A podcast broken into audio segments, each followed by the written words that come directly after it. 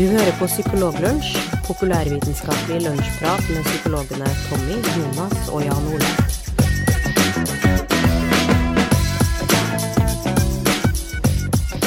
Da er vi i gang med en ny episode Psykologlunsj.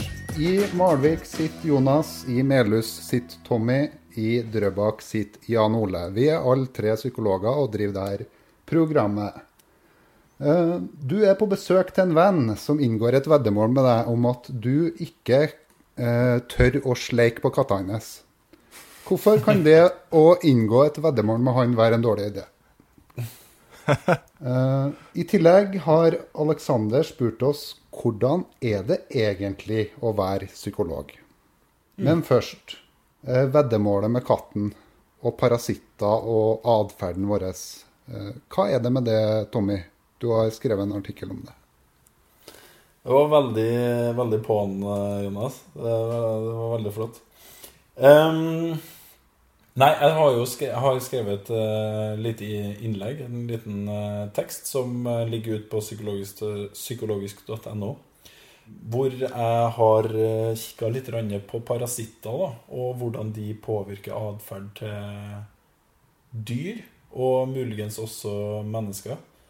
Eh, Som også inneholder tips om hvordan man bør sleike på katta. Var ikke det? Jeg vet ikke om jeg skrev spesifikt noe om å sleike på katta, men jeg er veldig spent på hva Jonas har å si om det. Um, nei, men hele poenget er at jeg har, jeg har jo egentlig, som jeg skriver litt om i denne teksten, også, så syns jeg parasitter er ganske fascinerende, og syntes det ganske lenge. Eh, det er jo altså biologi og artsutvikling og sånn er, er ganske spennende i seg sjøl. Og parasitter er jo Det er litt sånn det er litt sånn blanding av at av og til kan være innmari ekkelt og heslig. Og så er det bare veldig fascinerende, fordi at eh, de har jo blitt eksperter på å tilpasse seg et litt spesielt miljø, nemlig en eh, annen organisme. Så eh, det er jo Ja. Ja, for det er det som er med parasitter. Jeg var sløv i, i O-faget på, på ungdoms- og videregående skolen. Men eh, parasitter de er liksom avhengig av andre organismer ja. for å Ja. Men det er kanskje et, eh, det er kanskje et annet ord fra biologien du fikk med deg, eller hørte om, Jonas. Det var sånn symbiose og symbiotiske forhold mellom ulike arter. Det har du kanskje hørt om? Ja. Og det brukes vel i kulturen generelt òg, at man har et symbiotisk eh, forhold. og sånn. At Ja, man er avhengig av hverandre. Ja, ikke sant? Begge to får, eh, har en fordel av det. da. Begge, begge, begge parter kommer godt ut av det. Som f.eks. sånne, sånne fisker, sånne små fisker som eh, spiser små sånne dyr og på, på litt større fisker. Du har kanskje sett det at noen sånne svære hvaler og haier, så er det noen små fisker som spiser på dem og sånn. Em, og det Men, Ja. men det er vel eh, bare en type symbiose, er det ikke det? Vær så snill å utdype, Jan Ole. Nei, altså symbiose er vel en fellesbetegnelse for, uh, for at man uh, lever sammen. Ja. Og så er uh, det å være parasitt er en type symbiose. Det er det, men det, der er det litt mer sånn at eh, den ene parten kommer litt, eh, som regel litt dårligere ut av det, da. Ja. Ja, det er det. Men så kalles den andre vi- symbiosen vi snakker om, for mutualisme. Ja. Mutualism. da, se her, eh, Jonas, her har du litt å lære, for eh, Jan Ole har fulgt med på, i biologien. Ja. For, ja, for det er greia at uh, de her parasittene som jeg har snakka om, da, det er sånne som da utnytter en annen, et annet, en annen organisme da, for å få formert seg eller få tilgang til mer næring eller eh, ja, utnytte forholdet da, til sin, til sin fordel. Så det er ulike former av samliv, egentlig, eh, som Ja. det her går ut på. partnerskap, giftermål, parasittisme og mutualisme. Psykologlunsj. Psykologlunsj, ja. Enkelte av de her parasittene som eh, jeg har bemerka meg, eller som jeg har eh, lest litt om, da, det, de er ganske spesielle eh, i det at eh, de, de påvirker atferden til vertsorganismen for å kunne eh, komme seg videre til det neste trinnet da, i livssyklusen. Så det er jo litt sånn eh, Det er litt sånn snedig hvordan de eh, En, en liten eh, en liten sånn alien i en organisme da kan liksom få tentaklene inn i nervesystemet eller påvirke organismen på en eller annen måte, sånn at den forandrer atferd. Det syns jeg jo er litt sånn Det er ganske drøyt, egentlig. Ja. Det er super creepy. Det er, det er jo det er, For alle som eh, mm. liker mm. å se på zombiefilmer, så er det jo litt sånn. Uh, at du blir smitta med et eller annet, og så plutselig overtar uh, det som har smitta deg, kontrollen over deg. Ikke sant? At din, din, eksistens egentlig bare fortsetter fordi at uh, det som har kommet inn i deg, trenger det. Ikke sant. Det er kjempecreepy. Og jeg hadde jo eh, flere sånne eksempler på det i den, uh, i den teksten òg. En av de er mm, en, eh, de, de, de, her latinske navnene er, kan være litt sånn vanskelig å uttale, så jeg vet ikke om det blir helt riktig. Men det er en Det er en parasitt som infiserer maur. Og den parasitten får eh, mauren til når det, når det, er dagtid, så får den mauren til å klatre høyt opp på toppen av et eh, gresstrå.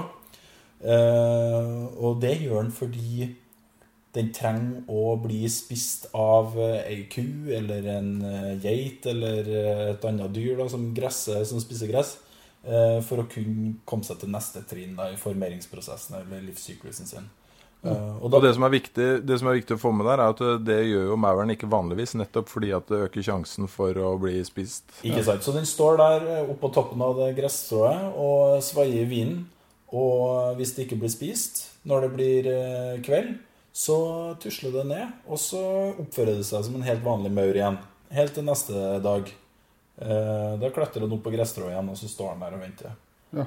Det er ganske, det er ganske ekkelt. Er, hvis du får et virus da, som, uh, som, gjør at du drar på jobben, og så oppfører seg så ufyselig at du får sparken, og så uh, får deg til å sette deg ned ved PC-en og skrive en søknad til en annen jobb, uh, f.eks. Uh, en bilsjåfør av et eller annet slag, en trailersjåfør, ja. og så bare for at du skal krasje inn i noe, og sånn at, eh, fordi den trenger et nytt menneske å hoppe oppi.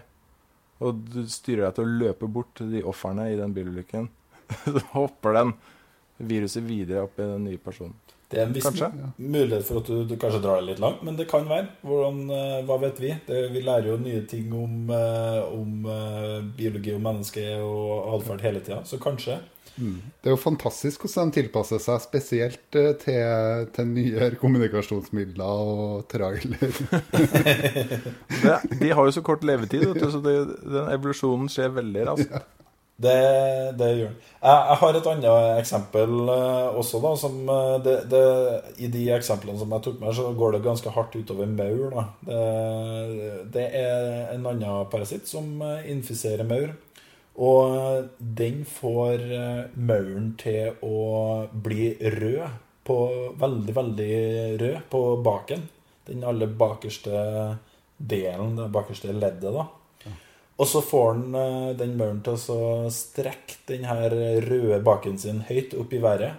Eh, fordi da øker det sannsynligheten for at en fugl kommer og spiser mauren fordi den tror at det er en en bær, et bær. Ja. Eh, og da fortsetter syklusen videre, da, for, for parasitten blir bli med på en flygetur og se seg litt rom. Er det det som er dere bakgrunnen bak dere rumperisting eh, eh, manien som holdt på på YouTube for tida? Du tenker på sånn twerking? Twerking, ja. Ja, det er grunnen til det. Og så er det, også, det er samme parasitten som gjør at noen aper har sånn veldig røde rumper også. Så det skal komme en fugl og plukke det opp. yes. Det her, det her er ikke bekrefta, men det kan være. Ja. Har du noen flere, har flere gode eksempler? Det var interessant, de eksemplene der. Finnes det noe? Ja. Det, det eksempelet som kanskje er mest interessant for vår del, det er en sånn eh, parasitt som heter toxoplasma-parasitten. Vet ikke om eh, dere har helt sikkert hørt om det før. Eh, spesielt når man har eh, altså gravide, for å høre at man skal passe seg litt sånn ekstra for den parasitten der.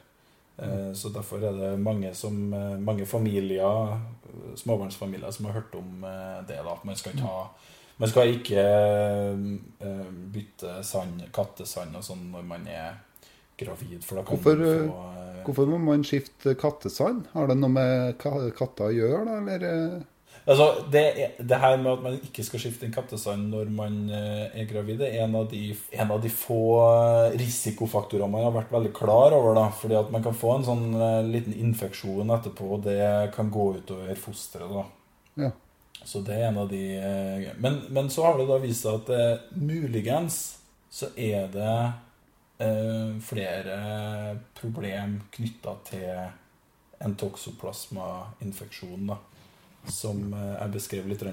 Hvis jeg bare, aller først kan jeg si litt om, om gnagere og toksoplasmose, eller toksoplasmaparasitten. Ja, gjør det. Um, ja, det skal jeg gjøre. For eh, I livssyklusen til toksoplasmaparasitten så er den parasitten helt avhengig av, helt nødt, til å på et eller annet tidspunkt befinne seg i tarmsystemet til et medlem av kattefamilien. Hvis ikke, så, hvis ikke blir det ikke noen små baby-toksoplasmaparasitter. Nei. Nei, veldig Hvorfor? Vet ikke. jeg. Det aner ikke jeg, men eh, sånn er det i hvert fall. Og da er det sånn at uh, mus og rotter og sånne gnagere og sånn, de driver jo og, og de, de kan få i seg denne parasitten. De får rase rundt i, i sikkert i sånn kattesandkasser sånn, jeg vet ikke. Men i hvert fall der hvor det er avføring og sånn fra annet katter. da. Og så, når de får i seg den der parasitten der, så forandrer de atferd. Mm. En gnager som er infisert av toksoplasmaparasitten det, Når man har putta det i laboratoriet, så viser det seg at de har en redusert fryktrespons når det er en katt i nærheten. Altså når de lukter en katt, f.eks. Ja. Og det er også noen eksempler har vært på at eh, de plutselig finner ut at eh, lukten av en katt er ganske digg. Ja. Og det er jo ikke så bra for uh, musen, men uh, veldig bra for den toksoplasmaparasitten, for da blir den gnageren spist av katten, og så er det fritt fram til å komme seg i tarmsystemet til den katten igjen. ja. Men påvirkes katten av det her? Å få det i seg? Det tror ikke jeg. Jeg vet ikke, men jeg tror ikke. Det, det er jo, hos mennesker så er det en veldig vanlig Veldig vanlig å ha blitt infisert med toksoplasmaparasitten. De, Ja. Det er ganske stor sannsynlighet for at dere eh, har det i dere òg, eller har hatt en sånn infeksjon. Det er ganske Ja, fordi vanlig. For så kommer jo katten hjem igjen ikke sant? og går opp Mm. i kattedoen sin, som de er veldig flinke til. Mm. Og så kommer jeg, som har vært katteeier, og graver med mine bare hender oppi den uh, der. Mm. Og så er jeg litt snøyete den dagen og gnir meg litt under nesa. Hva skjer, hva skjer da? Da kan du få en sånn eh, Da kan du jo få den i deg, da. Og det som er litt snedig da, det er det at det er noen studier da, Det her er jo sånn som Det må jo forskes litt mer på det, naturligvis. Men det er noen studier som, eh, som kan gi oss Kan gi oss et inntrykk av at eh, den parasitten påvirker den menneskelige atferd og syke også. Så hvis du gjør det, Jan Ole, så kan det være at du kjører på rødt lys. Og at jeg blir, at jeg blir mer risikosøkende? Ja, At du ikke bryr deg så mye om lover og regler lenger. Ok. Ja. Ja. Og du kan eh, også bli eh, veldig sjalu når, eh, når kona di har blitt eh, infisert av den andre parasitten som får henne til å så riste på rumpa. Fordi man blir mer sjalu. Ser det ut du til? Ja. At Blir man mer sjalu hvis man har den, eller hvis partneren har den? Hvis, eh, altså menn, infiserte menn som har den toksoplasmaparasitten, blitt infisert av den, de ser ut til å bli mer sjalu, mer mistenksom, mer introvert, altså innadvendt. Ok. Eh, og infiserte kvinner ser ut til å bli mer medmenneskelig, mer utadvendt, Ja. mer samvittighetsfull og moralistisk. Ja. Oi. Så Moralistisk det, òg. er, det kan være et godt tips, rett og slett. Å snike inn litt uh, kattebæsj eh, i middagen til kona di. Hvis du Men moralistisk at, de, at de går og sier til andre folk det der skal du ikke gjøre, du må gjøre det på en ordentlig måte. For det, da, da begynner Da bitene å falle på plass her. Og i tillegg da så er det, er det noen eh, studier som tyder på at uh, mennesker med toksoplasmainfeksjon har uh, havner fortere i uh, bilulykker. Ja. Uh, kanskje det har noe med at det er fordi de kjører på rødt lys å gjøre, jeg vet ikke. Men hvis de, kjører, hvis de kjører på katter, så kan det jo være at de har fått smitten i bilulykken. Sånn som den trailersaken, eller tenker du? Ja, litt sånn som den. Men det, det er jo litt interessant. Har de, har de eh, tatt personlighetstest før og etter en sånn infeksjon, eller hvordan eh, har de gjort det? For det kan jo hende at menn som eh, driter litt i reglene, kanskje ser en katt på gata, så drar han opp katta og sleiker på han bare for å eh, kritisere Bare for å make a statement. Ja. Ja. Og så da- er det sånn, da- og det er da- jo sånn greie du kan få i russelua òg, er det ikke det? Ja, og, og ekstroverte, ekstroverte medmenneskelige damer. Og så nusselig en katt. Jeg har så lyst til å sleike på den. ja, det kan jo være det. Det kan, det kan være det. Sånn som, så som jeg har forstått det, så er det, er det studier som foregår på den måten at man har eh, delt opp eh, Man har skilt ut grupper av folk som har har parasitten i seg, og de som ikke har den i seg. Og så har de prøvd å finne ut av hvordan de gruppene skiller seg fra hverandre. Det er sånn jeg har oppfatta det. Ja. Så det er retrospektivt. Det må forskes mer på det. Sånn. Eh, men det er også en sånn liten eh, siste ting der at eh, eh, det er en del det, det er det kanskje flest studier som jeg har forstått det, så er det der hvor man har funnet en sammenheng mellom den infeksjonen og schizofreni. Oi.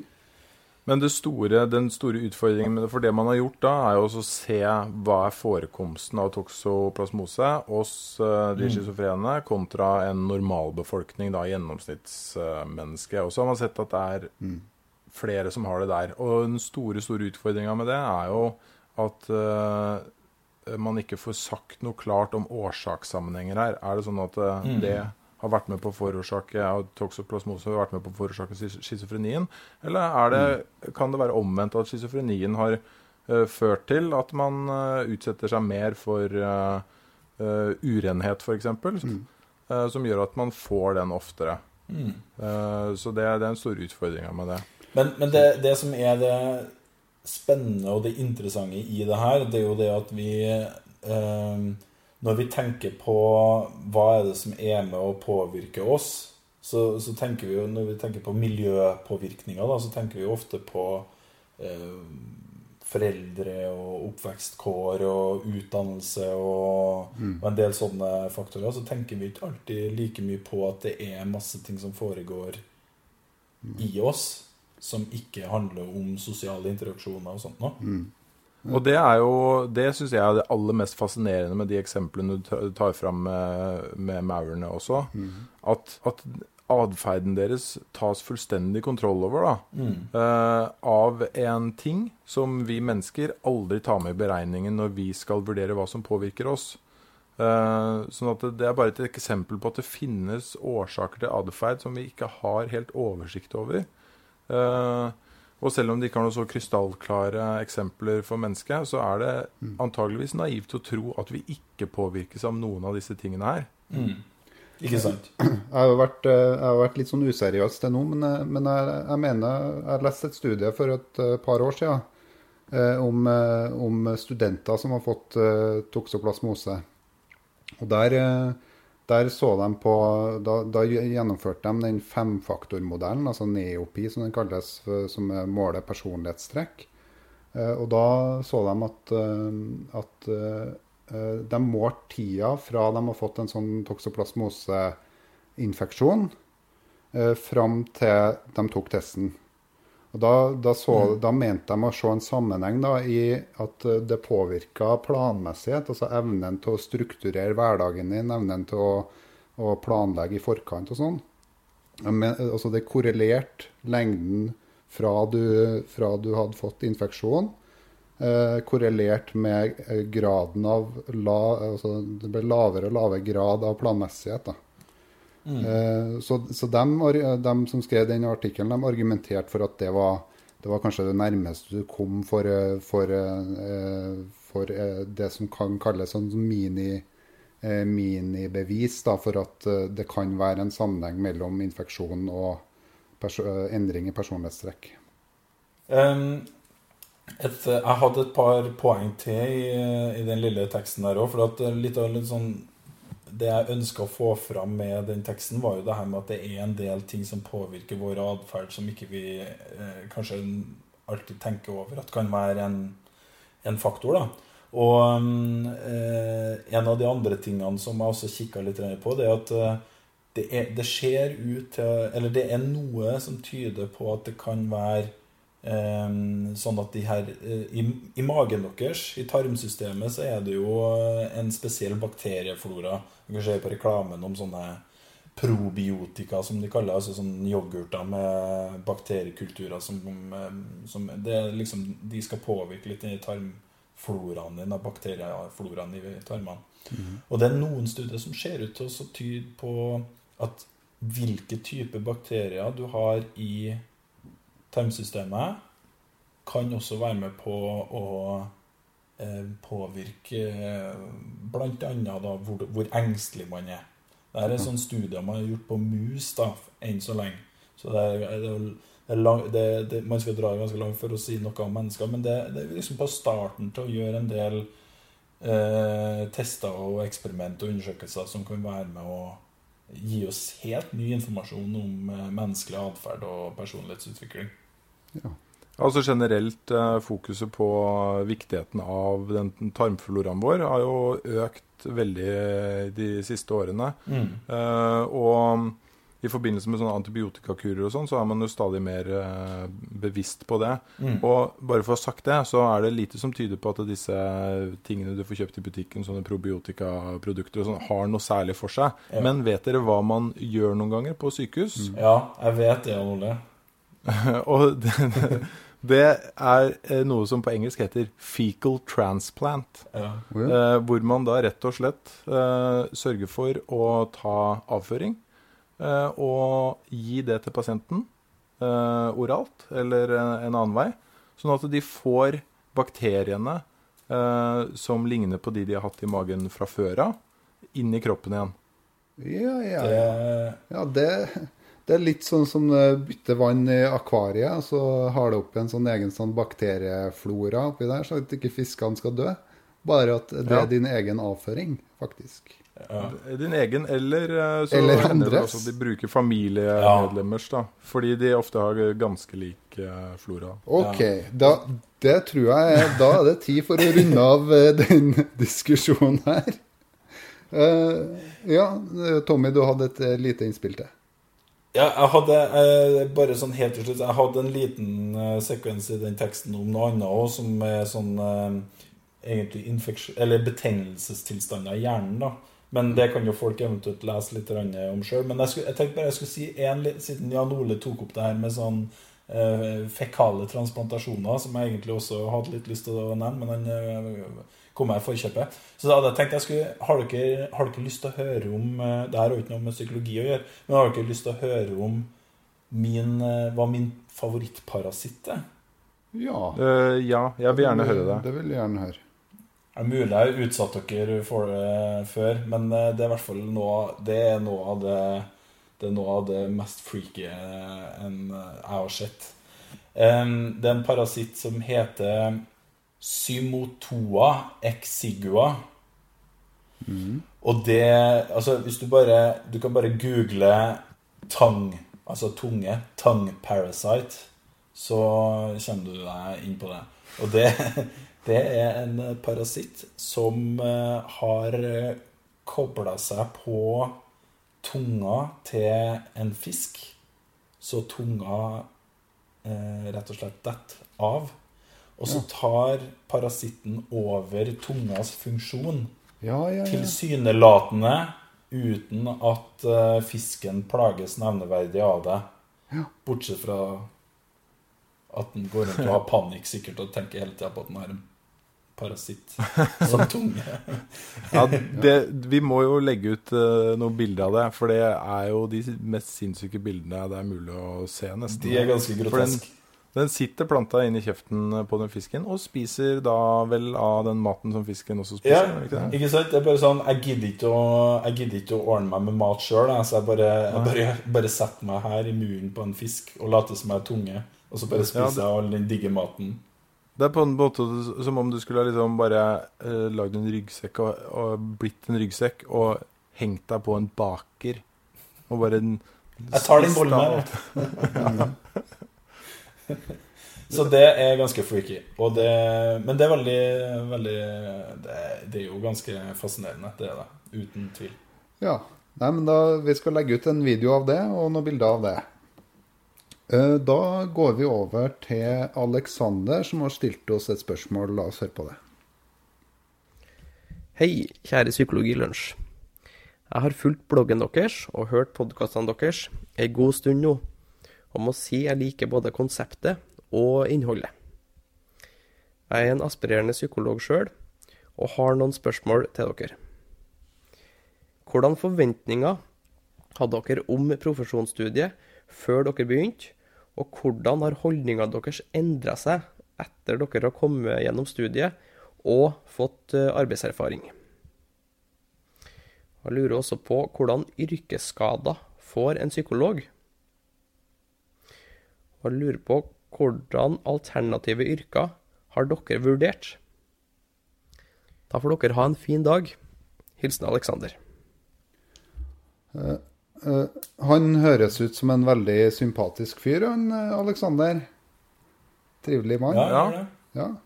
Han, er... veldig trivelig ut. Han snakker en sånn dialekt som jeg forbinder med trivelighet. Ja, men, men det jeg lurer på, er hos, hvor han er fra. Fordi han, han, sier 'dokker', og det er typisk trondhjemsk. Men så sier han noe sånn Han er litt sånn rar på 'begynt'. Begynt. Og så sier han Ja, det, det er litt sånn Jeg lurer på om han er litt sånn som meg. At han prøver å, å etterligne trondheimsdialekter, men egentlig ikke er derifra. Det vil vi at Aleksander eh, sender inn svar på senere. Men det som skal være helt sikkert, er jo at han spurte ikke om det. Nei, det, Nei, det, det gjorde han. Stemmer det. det er... han, han lurer på hvilke alternative yrker Jan Ole hadde tenkt å vurdere. Og da tenkte han sikkert på når Jan Ole vurderte å bli homeopat. Ja. Helt sikkert. Ja, det er ikke Språkteigen. Det er ikke det, vet du. Det er sant, det. Men de har jo Språkteigen er jo den mest populære podkasten på iTunes, så vi burde jo egentlig ta etter dem, synes jo jeg egentlig. Det har vi jo diskutert mm. før. Mm. Uh, Alexander spør oss uh, da først, vi deler opp uh, spørsmålene litt. hvilke forventninger om profesjonsstudiet hadde vi før vi begynte på studiet? Mm. Jan Ole, hvilke forventninger hadde du? Du, nå har det seg jo sånn at jeg, jeg vokste opp Eh, med en psykiater til mor og en eh, psykolog til far. Så Beklager det. det ja, takk. Alle kondolanser mottas herved. Eh, så jeg føler jo at jeg hadde et sånn forholdsvis realistisk eh, inntrykk av hva jeg gikk til. Men det krasja nok lite grann likevel. Jeg hadde mer et sånt håp om at det skulle bli et sånt uh, magisk håndverkeryrke. Hvor man, hvor man bare fikset ting. Mm. Uh, og tolket drømmer og fant ut hva som uh, feilet folk. Og at de menneskene da, hvor når man fortalte hva som feilet dem, at de var sjokkerte, overraskede og skjønte at du hadde satt fingeren på noe som var de aldri var i nærheten av å kunne finne ut av selv. Uh, så det var kanskje den, uh, den uh, største justeringen som skjedde i løpet av studiet. Ja.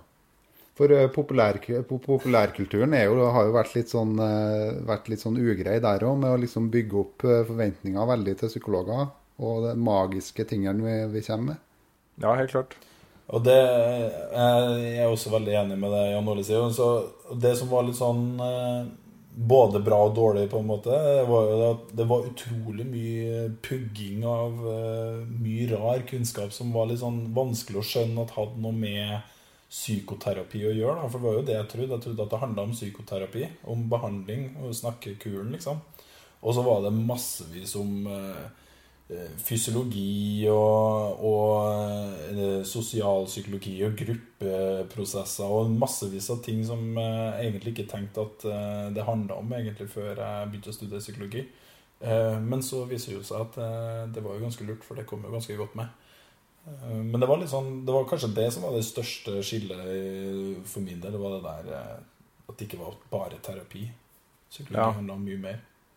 Ja, nei, Jonas, da? hvis jeg skal snakke for meg sjøl altså, Jeg, jeg, jeg starta ut på profesjonsstudiet. At det blir litt annerledes med meg.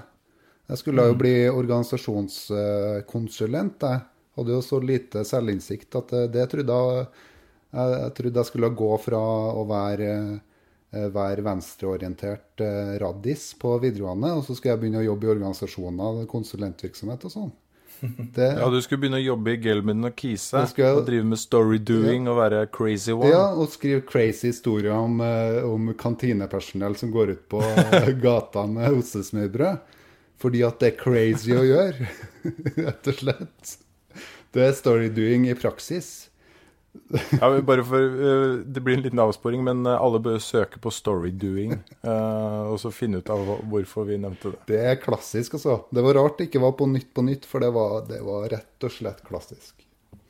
Så, så, jeg, så, jeg, hadde ikke noen store forventninger, egentlig. Men det, det, som skjedde til meg, var at jeg begynte å, begynte å jobbe på en akuttpost, hvor også han, Jan Ole jobba. Uh, og, og, fant ut at det egentlig var ganske spennende og utfordrende, og også veldig givende å jobbe med mennesker. Så, så derfor, uh, derfor uh, bestemte jeg meg etter hvert at jeg ville gå den kliniske veien. Så det var litt sånn litt feil vei til meg. Men han Aleksander stiller oss noe annet spørsmål òg.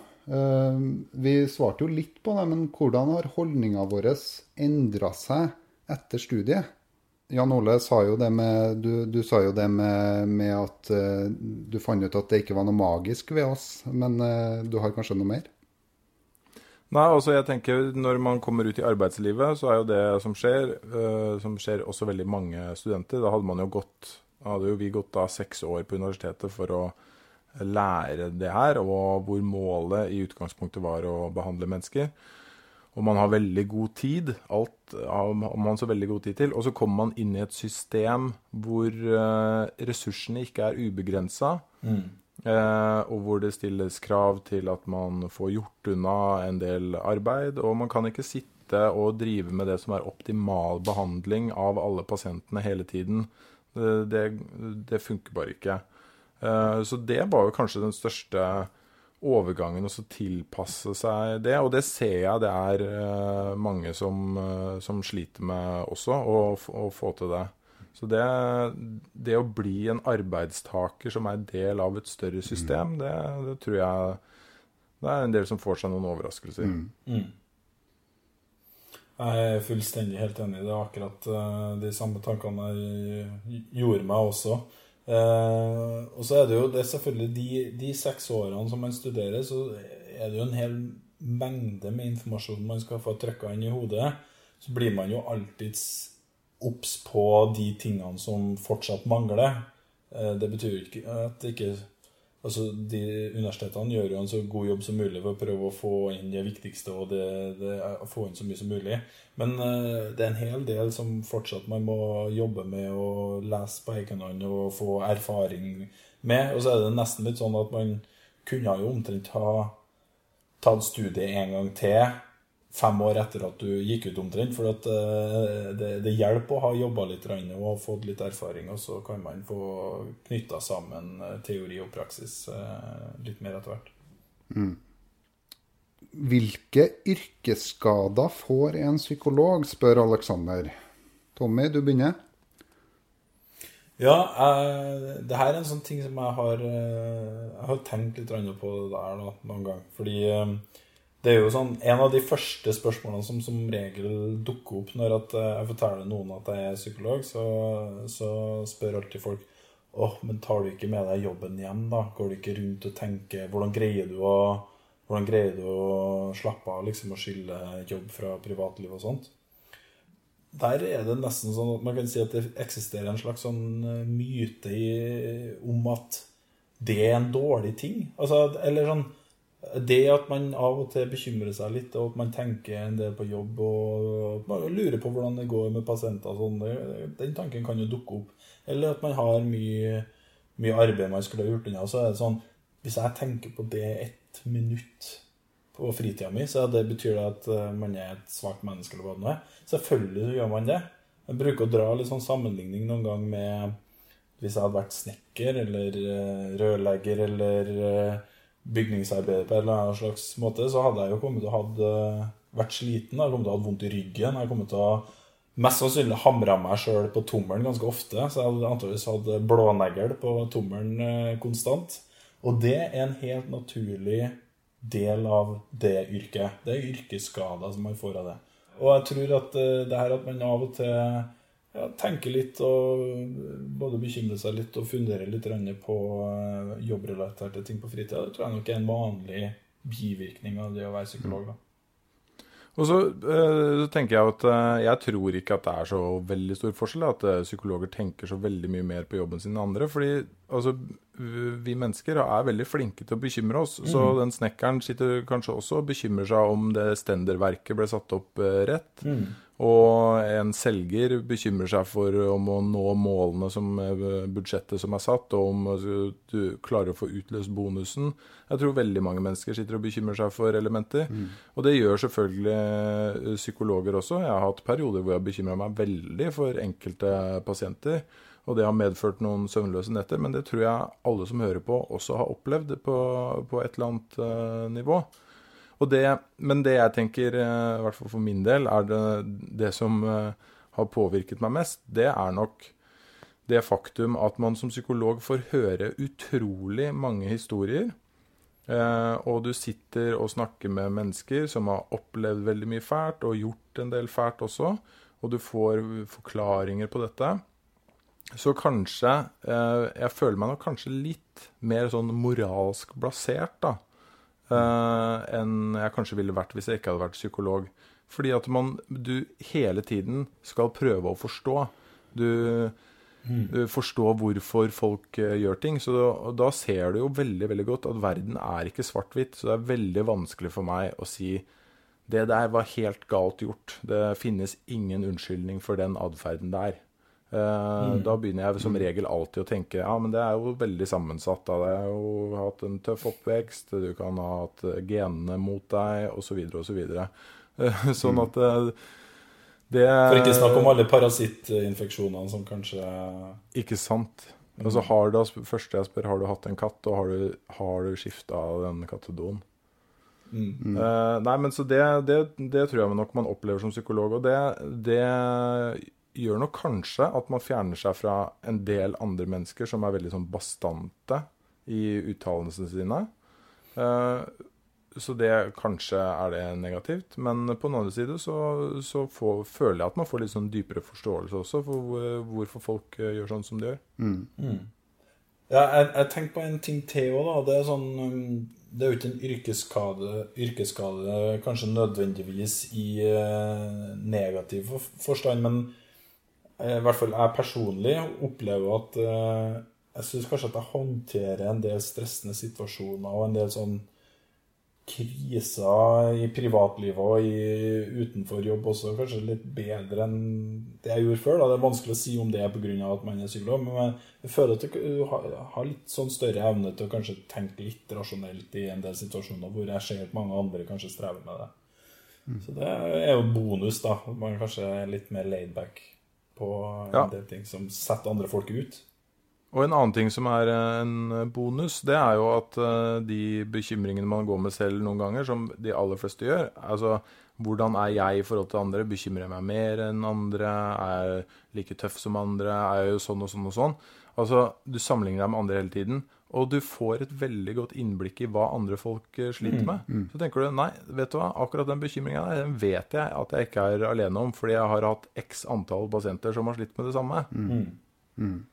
Det er sant. Enn du da, Jonas? Jo, nei, det, det er vel det, det er akkurat det samme som dere har vært innpå, egentlig. Men eh, også litt sånn eh, jeg, jeg merker sånn personlig at det, det, det, det krever jo ganske mye å være påkobla. For en som er sånn, blir beskyldt for å være ganske sløv på ellers.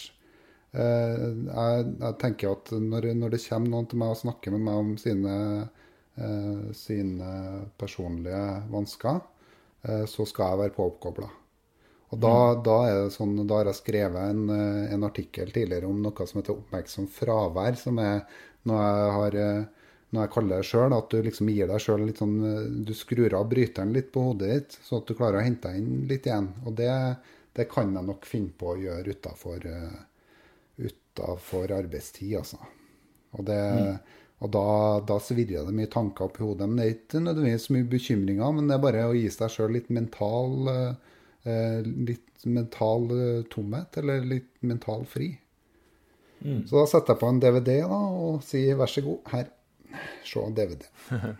Ja. Uh, hvilke alternative yrker har vi vurdert, spør Aleksander til slutt. Jo, altså det som jeg har eh, sett etter hvert, er jo at jeg, jeg har nok et sånn lite realfagsmenneske i meg. Uh, og det har jeg jo fått utnytta innenfor psykologien også. Uh, liker tall og naturfag og uh, ja, blitt mer interessert i fysikk og sånne ting. Så jeg tror kanskje at jeg ville ha kanskje trukket mot et ingeniøryrke. Mm. Mm.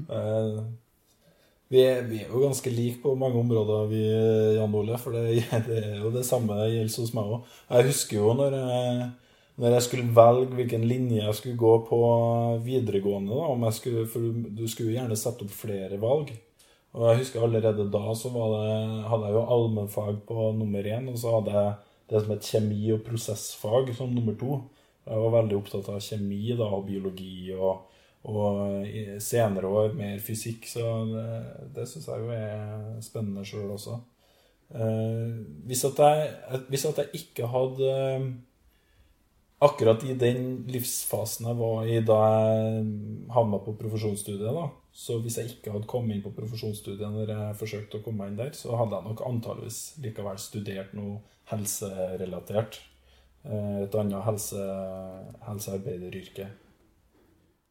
Enn du da, Jonas? Jo, nei, jeg tror jeg ville Jeg hadde en drøm om å bli arkitekt, faktisk.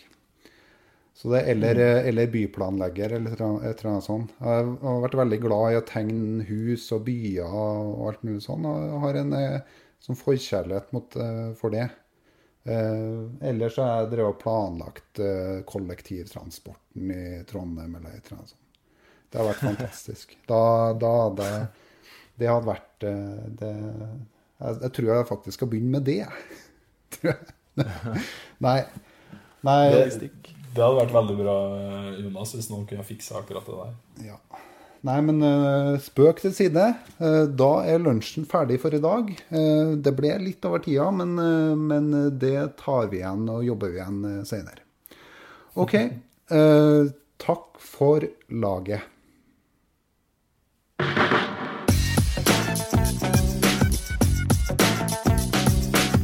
Du har nå lytta til Psykologlunsj. Har du noen spørsmål, kan du søke opp Psykologlunsj på Twitter, eller du kan sende en e-post til psykologlunsj alfakrøll.